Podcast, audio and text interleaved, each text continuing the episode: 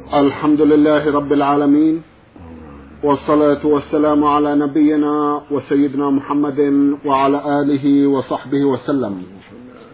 مستمعي الكرام السلام عليكم ورحمة الله وبركاته وأسعد الله أوقاتكم بكل خير. هذه حلقة جديدة مع رسائلكم في برنامج نور على الدرب. رسائلكم في هذه الحلقة نعرضها على سماحة الشيخ عبد العزيز ابن عبد الله بن باز الرئيس العام لإدارات البحوث العلمية والإفتاء والدعوة والإرشاد. مع مطلع هذه الحلقة نرحب بسماحة الشيخ ونشكر له تفضله بإجابة السادة المستمعين فأهلا وسهلا بالشيخ عبد العزيز. حياكم الله وبارك فيكم. حياكم الله. أولى رسائل هذه الحلقة رسالة وصلت إلى البرنامج من المستمع نون صاد قاف. أخونا يسأل مجموعة من الأسئلة من بينها أسئلة تصادف موسما مباركا من أوسم الخير والبركة. ذلكم هو موسم الحج. أخونا يقول حدثونا عن أنواع الحج جزاكم الله خيرا. بسم الله الرحمن الرحيم. الحمد لله وصلى الله وسلم على رسول الله وعلى آله وأصحابه من اهتدى بهداه. أما بعد فأنساك الحج ثلاث الأول الإحرام بالعمرة وحدها. الثاني الإحرام بالحج وحده. الثالث الإحرام بهما جميعا. وصفة كل واحد أما العمرة فيقول اللهم لبيك عمرة. أو يقول أو يقول اللهم أوجبت أني أوجبت عمرة. هذا يقال لها عمرة يقال لها عمرة مفردة. سواء في أشهر الحج أو في غيره عليه يحرم بها من الميقات الذي يمر عليه. من طريق المدينة ميقات المدينة. من طريق مصر والشام من طريق الساحل يحرم من الجحفة رابط من طريق اليمن يلملم. طريق العراق ذات عرق. ضريبة من طريق نجد. قرن المنازل. وادي قرن. ويسميه الناس السيل. نعم. على من أراد الحج أو العمرة يحرم من هذه المواقيت إذا مر على واحد منها. فإن كان بالعمرة يقول اللهم لبيك عمرة. أو اللهم إني قد أوجبت عمرة. وإن زاد متمتعا به الحج إذا كان في أشهر الحج شوال وذي القعدة وأول الحجة فلا بأس. وإن لم يزدها فلا بأس. إذا لبيك عمرة وهو نية الحج وحج فإنه يسمى متمتعا. وإن زادها وقال متمتعا به الحج فلا بأس أيضا. وإن قال فإن حبسني حابس من كل حيث حبستني كذلك لا حرج ولا سيما إذا كان يخشى حادثا من مرض أو غيره. فيطوف ويسعى ويقصر من عموم شعر رأسه مجموع الشعر الجوانب والوسط يعم الشعر ثم يحل. وبهذا تمت العمرة.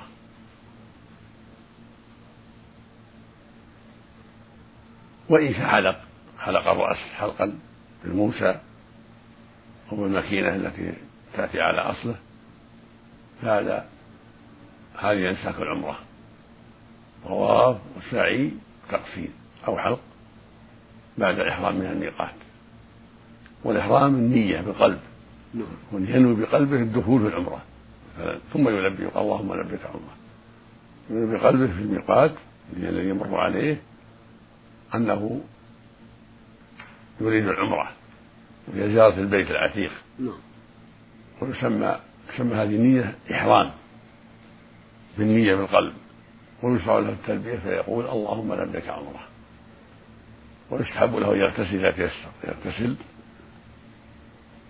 ويقلم أظفاره إن كان فيها طول أو قص شاربة. هذا أفضل. وإن لم يفعل فلا حرج. لو أحرم بدون اغتسال وبدون قص أظفار ولا قص شارب لا حرج. ويلبس إزارا ورداء نعم. الرجل إزار ورداء. أبيضين أفضل والأبيض أفضل. وإن كانت من نوع آخر كالأحمر والأسود فلا حرج. لكن الأبيض أفضل. لقوله صلى الله عليه وسلم البسوا من ثياب من بياض فإنها من خير ثيابكم. وكفنوا بها موتاكم. وقد ثبت عنه صلى الله عليه وسلم أنه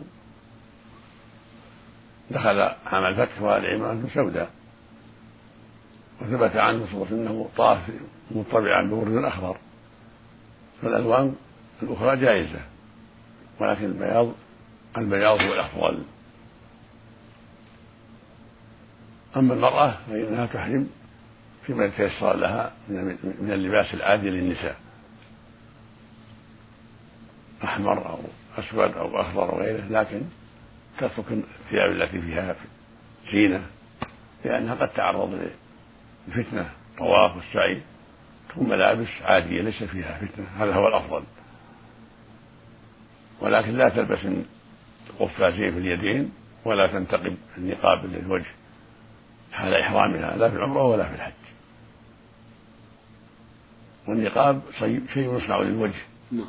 تلبسه المرأة في وجهها ينقب فيه نقبان أو نقب واحد للعينين. هذا النبي صلى الله عليه وسلم نهى عنه قال لا تنتقل المرأة. والقفازان غشاءان يجعل في اليدين. نعم. غشاءان يجعل فيهما تجعل اليدان فيهما.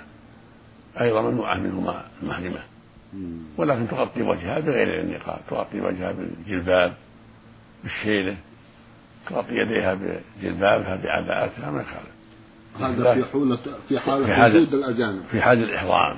في حال الإحرام. لا تلبسها في حال الإحرام مطلقة ولو ما عندها أحد نعم. لا تلبس النقاب ولا قفازين. لكن عند وجود أجنبي تغطي وجهها ويديها بشيء غير غير النقاب وغير القفازين تقول عائشة رضي الله عنها كنا مع النبي في حجة الوداع. فإذا دنا من الرجال سدلت إحدانا خمارها على وجهها من رأسها. فإذا بعودوا كشفنا.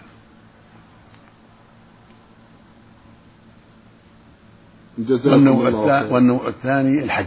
نعم. كمل. النوع الثاني الحج. طيب. وهو أن ينوي الإنسان الحج فقط. بقلبه نية الحج فقط. من الميقات. سواء كان رجل أو امرأة. هذا يسمى الإفراد إفراد الحج. فيحرم بالحج بقلبه ينوي الحج بقلبه ويلبي ويقول اللهم لبيك حجا أو اللهم إني أوجبت حجة أو حجة. من الميقات الذي يمر عليه. وإن كان في مكة كذلك قال لبيك حجة أو حول مكة من الميقات محل اللي يمشي منه الإحرام اللي في جدة يقول لبيك حجة أو عمرة كما تقدم أو اللي في الشرائع أو كان في زيمة أو أم السلم المقصود منها من كان دون المواقيت يحرم بالعمرة إذا كان مفردة أو بالحج مفردا. اللهم لبيك حجا في الذي يمشي من الإحرام. وإن كان قبل المواقيت أحرم من الميقات كما تقدم. نعم. فيقول لبيك حج هذا يسمى حج مفرد. طيب. فإذا وصل مكة شرع له يجعل عمرة كان الوقت واسع شرع له يجعل عمرة يفسخ إلى عمرة كما أمر النبي أصحابه بذلك يجعل يطوف ويسعى ويقصد يجعل عمرة أما إن كان الوقت ضيق قصد عرفات وحج مع الناس بحج مفرد. ولكن إذا تيسر له دخول مكة والطواف والسعي ويقصر إلى العمرة هذا يكون هو الأفضل ويسمى فسخ حج إلى العمرة. فإن بقي على إحرامه وحج مع الناس بحج مفرد فلا بأس. يطوف ويسعى في وعند قدومه ثم يبقى على إحرامه حتى يحج مع الناس أو يبقى على إحرامه ولا يطوف ولا يسعى إلا بعد الحج في يوم النحر وما بعده. كله جائز ولكن الأفضل يبدأ بالطواف والسعي قبل الحج يطوف يسعى ويبقى على إحرامه حتى ينتهي من عرفات. إذا جاء يوم العيد طاف وسعى كما فعل النبي صلى الله عليه وسلم فإنه حج قارنا وطاف وسعى عند قدومه ولا بالحل لأن كان معه الهدي. اللهم صل عليه وسلم. اللهم صل عليه أما الذين يحرموا بالحج وليس معهم هدي أمرهم أن يجعل عمرة أمرهم صلى الله عليه وسلم أن يجعل عمرة فطافوا وسعوا وقصروا وحلوا عليه الصلاة والسلام. بأمره عليه الصلاة والسلام. فهذا يسمى نسوء الإفراد إفراد الحج. نعم. وهناك نسك ثالث يسمى القران. وهو الجمع بين الحج والعمرة. فينوي بقلب عمرة وحجة جميعا من الميقات. أو من محله اللي هو فيه كجدة أو أم السلام. من الميقات. ينوي بقلبه حج وعمرة. ثم يلبي ويقول اللهم لبيك عمرة وحجا. هذا يسمى القران. وأعماله مثل أعمال الإفراد. أعماله مثل أعمال الإفراد. نعم. يطوف ويسعى أول ما يقدم مكة يبقى على إحرامه. حتى يفرغ من حجه. فإذا فرغ من حجه من عرفات طاف يوم العيد طواف الإفاضة فقط. وأجزأه السعي السابق ويسمى قارنا من الحج والعمرة. وأعماله كأعمال المفرد لكن الأفضل له والسنة له أن يفسخ كالمفرد يفسخ حجة إلى العمرة يطوف ويسعى ويقصر ويحل لكن ما معه هدي ليس معه هدي. والسنة له أنه يطوف ويسعى ويقصر ويتحلل. نعم. كالذي يحرم بالحج مفردا. يطوف ويسعى ويقصر وجه العمرة. لأن الرسول صلى الله عليه وسلم أمر أصحابه الذين أحرموا بالحج مفردا أو بالحج هم جميعا وليس معهم هدي أمرهم بجعل عمرة فطافوا وسعوا وقصروا وحلوا. وأما من كان معه الهدي فإن يبقى على إحرامه. والأفضل له يكون والأفضل له يلبي بحج وعمرة جميعا إذا كان قارئ إذا كان معه الهدي. كما فعله النبي صلى الله عليه وسلم فإنه أحرم بالحج وعمرة جميعا وكان معه هدي كان معه 63 بدنة 63 من الإبل أتى بها أتى بها من المدينة.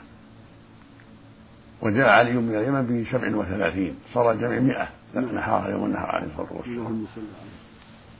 فمن كان معه هدي ولو ناقة واحدة ولو شاة واحدة أتى بها هذا يوقع على إحرامه ويلبي بالحج جميعا. ومن ليس معه هدي فإنه يلبي بالعمرة ويطوف ويسعى ويقصر ويحج. وإن لبى بالحج مفردا أو بالحج جميعا فإنه يفسخ. يطوف ويسعى ويقصر وجه العمرة كما أمر كما أمر به النبي صلى الله عليه وسلم الصحابة الذين حجوا معه وليس معهم هدي. هذا هو الصواب عند المحققين من أهل العلم.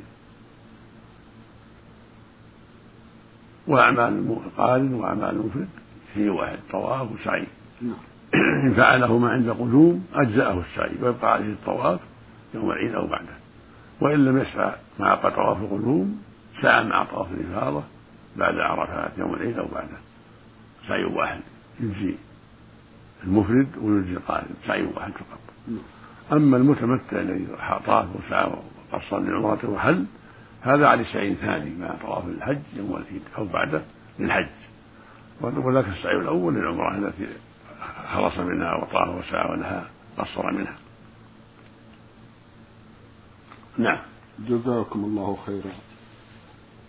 وأنتم تتفضلون بالحديث عن أنواع الحج. جزاكم الله خيرا. ذكرتم أيضا آه، صفة الحج. هل من إضافة لتكميل صفة الحج صفة الحج مثل ما تقدم. نعم. إذا أحرم به من مكة إنسان من مكة أو محل بها يتوجه إلى منى يوم الثامن. وهكذا لو كان قادما من بلده يوم الثامن. نعم. وأحرم بالحج مفردا أو بالحج والعمرة جميعا فإنه يتوجه إلى منى يصلي بها الظهر ركعتين والعصر ركعتين كل واحدة في وقتها أفضل. والمغرب ثلاث في وقتها والعشاء اثنتين في وقتها والفجر اثنتين في وقتها. هكذا فعل النبي صلى الله عليه وسلم. لما توجه من من مكة إلى منى يوم الثامن صلى بها الظهر والعصر والمغرب والعشاء والفجر. كل واحدة في وقتها قصرا. من دون جمع. اثنتين الظهر اثنتين والعصر اثنتين كل واحدة في وقتها. والمغرب ثلاث في وقتها والعشاء اثنتين في وقتها والفجر اثنتين في وقتها مع السنة مع سنتها. بأذان وإقامة. هذا هو الأفضل هذا هو السنة. وفي صباح العيد يتوجه إلى عرفات وهو في خروجه من مكة ملبي بالحج لبيك حجا ويقول لبيك اللهم لبيك لبيك لا شريك لك لبيك إن الحمد والنعمة لك والملك لا شريك لك. وهكذا اللي يحرم من الميقات يلبي بهذا. يلبي بالحج مفرد الأول في الميقات بعدما يتهيأ بعدما يغتسل إذا تيسر يلبس إزاره ورداءه وبعدما يتطيب يركب الدابة أو السيارة ثم يلبي. ناولا بقلبه الدخول في الحج. نعم. أو في العمرة إن كان أراد عمرة مفردة. ثم إذا ركب يقول اللهم لبيك عمرة إن كان عمرة أو اللهم لبيك حج إن كان حج. لأن النبي صلى الله عليه وسلم لبى بعد ما ركب. بعد ما ركب دابته لبى عليه الصلاة والسلام. هذا هو الأفضل بعد الركوب. يتهيأ في الأرض نعم. بالغسل وصلي ركعتين سنة الوضوء.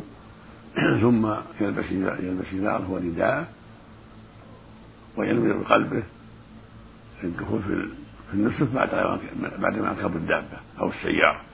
ينوي بقلبه الدخول في النسك ويلبي اللهم لبيك حجا كان مفرد أو اللهم لبيك عمرا كان عمرة مفردة. أو حج عمرا كان قارنا إذا كان معه الهدي يلبي بهما جميعا إذا كان معه هدي ناقة أو بقرة أو شاة أو أكثر نعم؟ والأفضل لمن لبى من الميقات أنه يدخل مكة أول. ولو كان في يوم الثامن أفضل يدخل مكة ويطوف بالسعي لأن الرسول دخلها بدأ بها صلى الله عليه وسلم. فيطوف يسعى لحج كان مفردا أو لعمرة كان معتمر يطوف يسعى ويقصر بحج كان معتمر وفي يوم الثامن يلبي بالحج يخرج إلى منى. كما فعله النبي صلى الله عليه وسلم فإنه لبى يوم الثامن خارجا إلى منى. والصحابة أمرهم أن يلبوا بالحج يوم الثاني الذين حلوا أمرهم أن يلبوا بالحج من مكة من منازلهم ثم يتوجهوا إلى منى ملبٍ بالحج يوم الثامن. هذا هو الأفضل. وفي يوم التاسع يتوجهون إلى عرفات بعد طلوع الشمس ملبين بالحج. ومن كبر وهلل فلا بأس.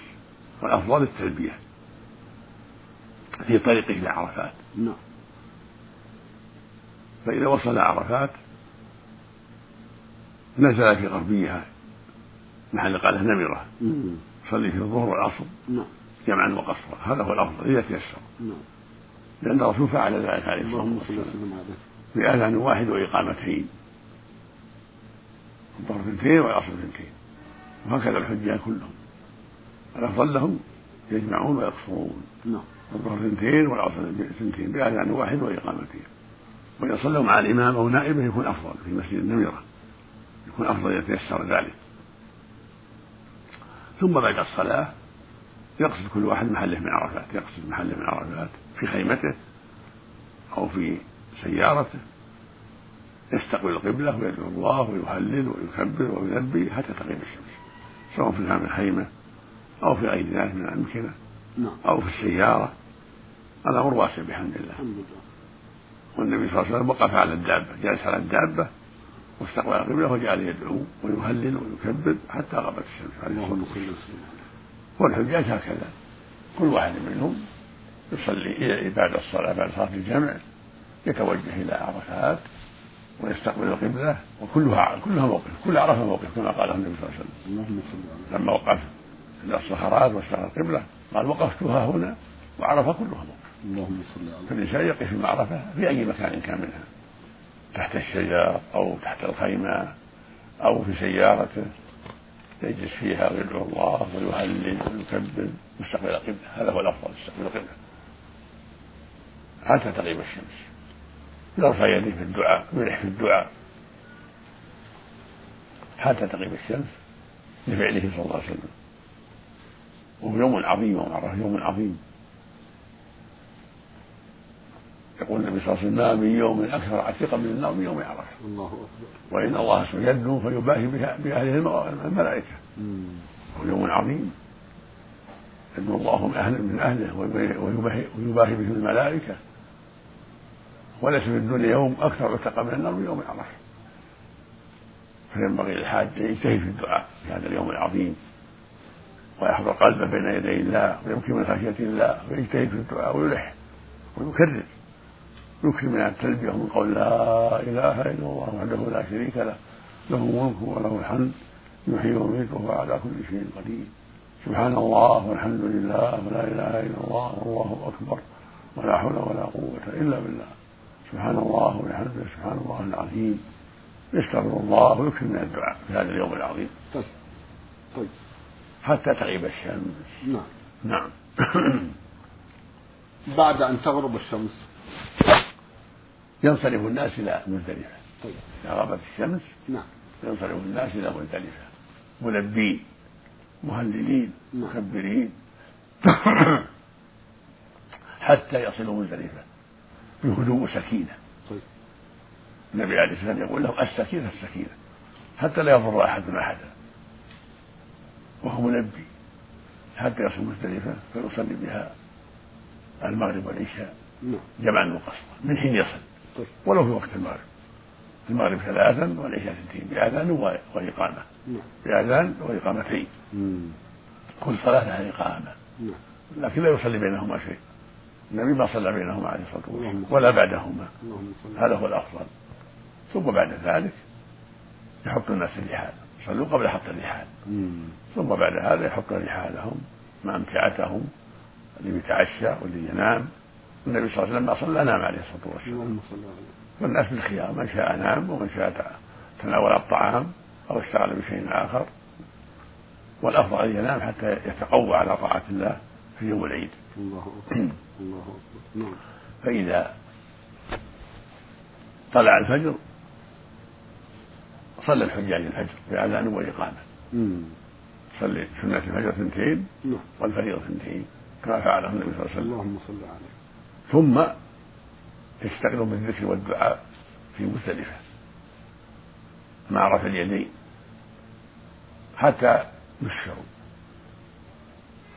ثم ينصرفون قبل طلوع الشمس إلى إلى منى. نعم. كما فعله النبي صلى الله عليه وسلم. فإن أسفر جدا ثم انصرف قبل طلوع الشمس إلى منى عليه الصلاة والسلام. هذا هو السنة للحجيج لكن لا مانع من تعجيل الضعفاء من من مزدلفة قبل الفجر. النبي صلى الله عليه وسلم أمر الضعفاء من النساء والصبيان ونحوهم من يكون معهم أن ينصرفوا إلى منى في آخر الليل قبل حطمة الناس قبل الزحمة. هذا أفضل. وإن جلسوا فلا حرج. وإن انصرفوا في آخر الليل قبل زحمة الناس فلا حرج عليهم ولهم الرمي في آخر الليل هم ومن معهم.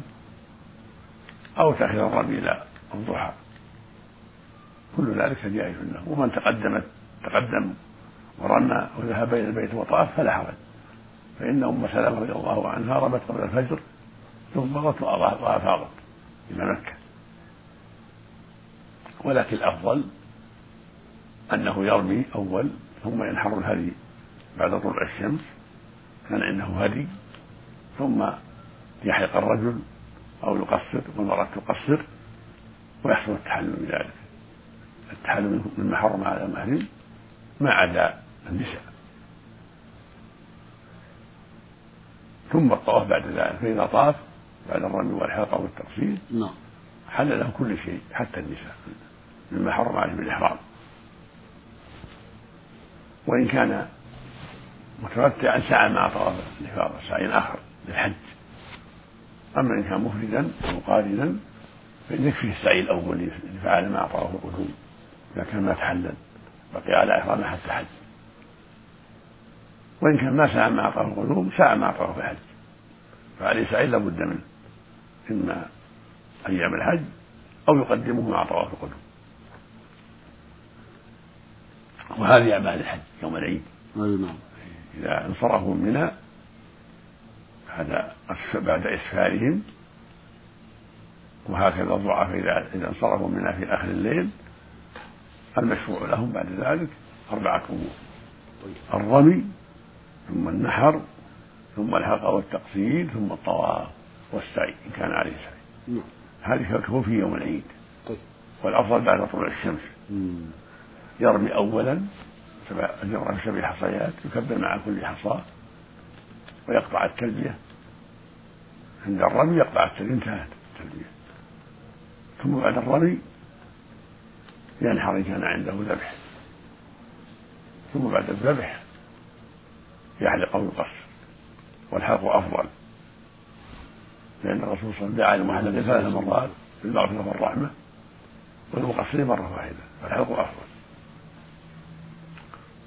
إلا النساء فليس عليهن حلق ولكن يقصر النساء عليهن التقصير من مجموع الرأس من كل عميلة قليل. وإن كان منقوض من أطراف الشعر كله للرجل والمرأة. ثم يحصل التحلل. يعني التحلل الأول يعني له يطيب يقلم أظفاره يقص شاربه يلبس النخير يغطي رأسه. هذا التحلل الأول. ويحصل الرمي لكن كون يضيف إليه الحلقة والترك يكون افضل وأحوط. ولا التحلل أو يحصل الرمي يحصل الرمي. لكن اضافه الحلق والتقصير إليه افضل خروج بخلاف العلماء. ولما روي عن عائشة رضي الله عنها عن النبي صلى الله عليه وسلم قال إذا رميتم وحلقتم قد حلكم الطيب واللباس كل شيء للنساء ويبقى عليه تحريم النساء. فإذا طاف في البيت وسعى حل له كل شيء حتى النساء. حرم عليه بالإحرام. للمرأة والرجل. إذا طافت وسعت كان عليها سعي حل لها زوجها وهكذا الرجل إذا طاف وسعى إن كان عليه سعي حلت له زوجته بعد الرمي والحلقة والتقصير. ثم يبقى على الجميع أيام من الرمي أيام منها طواف الوداع بعد الفراغ من كل شيء. نعم نعم. والترتيب ليس بواجب. ما شاء الله. لو أنه قدم النحر على الرمي أو الحلق على الرمي أو على النحر أو الطواف لا حرج الحمد لله. الحمد لله. لو طاف قبل أن يرمي أو قبل أن ينحر أو قبل أن يحلق لا حرج أو نحر قبل أن يرمي أو حلق قبل أن يذبح لا حرج النبي سئل عن هذا يوم العيد فقال لا حرج لا حرج عليه الصلاة والسلام. لكن الأفضل الذي فعله النبي صلى الله عليه وسلم أنه يرمي أول ثم ينحر إن كان عنده ذبح ثم يحلق أو يقصر. هذا هو الأفضل. ثم يتحلل. ثم يكون الطواف بعد ذلك يوم العيد تيسر أو بعد العيد. وهكذا السعي يكون بعد الطواف إن كان عليه سعي كالمتمتع نعم. يسعى مع طواف مع طواف الحج. وهكذا القارئ المفرد الذي لم يحل عليه السعي. كان سعى مع طواف القدم أجزاءه وإلا سعى مع طواف الإفاضة. نعم. جزاكم الله خيرا. سماحة الشيخ وأنتم آه، تتفضلون بهذا البيان الشافي الكافي. للصفة الصحيحة للحج لمن أراد أن يحج على الطريقة آه، المتبعة المشروعة والتي سنها الرسول عليه الصلاة والسلام. آه، لا شك أنها أن هناك بعض الأمور قد تخطر ببال السادة المستمعين أو أمور وقع فيها بعض الحجاج ويسألون عنها. أستميحكم العذر في عرضها في حلقة قادمة إن شاء الله تعالى. ذلكم أن الوقت المخصص لهذه الحلقة شارف على الانتهاء. لا بأس. جزاكم الله خيرا. سماحة الشيخ في ختام هذا اللقاء أتوجه لكم بالشكر الجزيل. بعد شكر الله سبحانه وتعالى على تفضلكم بإجابة السادة المستمعين وآمل أن يتجدد اللقاء وأنتم على خير. نسأل الله ذلك مستمعي الكرام وكان لقاؤنا مع سماحة الشيخ عبد العزيز ابن عبد الله بن باز. الرئيس العام لإدارات البحوث العلمية والإفتاء والدعوة والإرشاد. شكرا لسماحته وأنتم يا مستمعي الكرام شكرا لحسن متابعتكم. وإلى الملتقى. وسلام الله عليكم ورحمته وبركاته.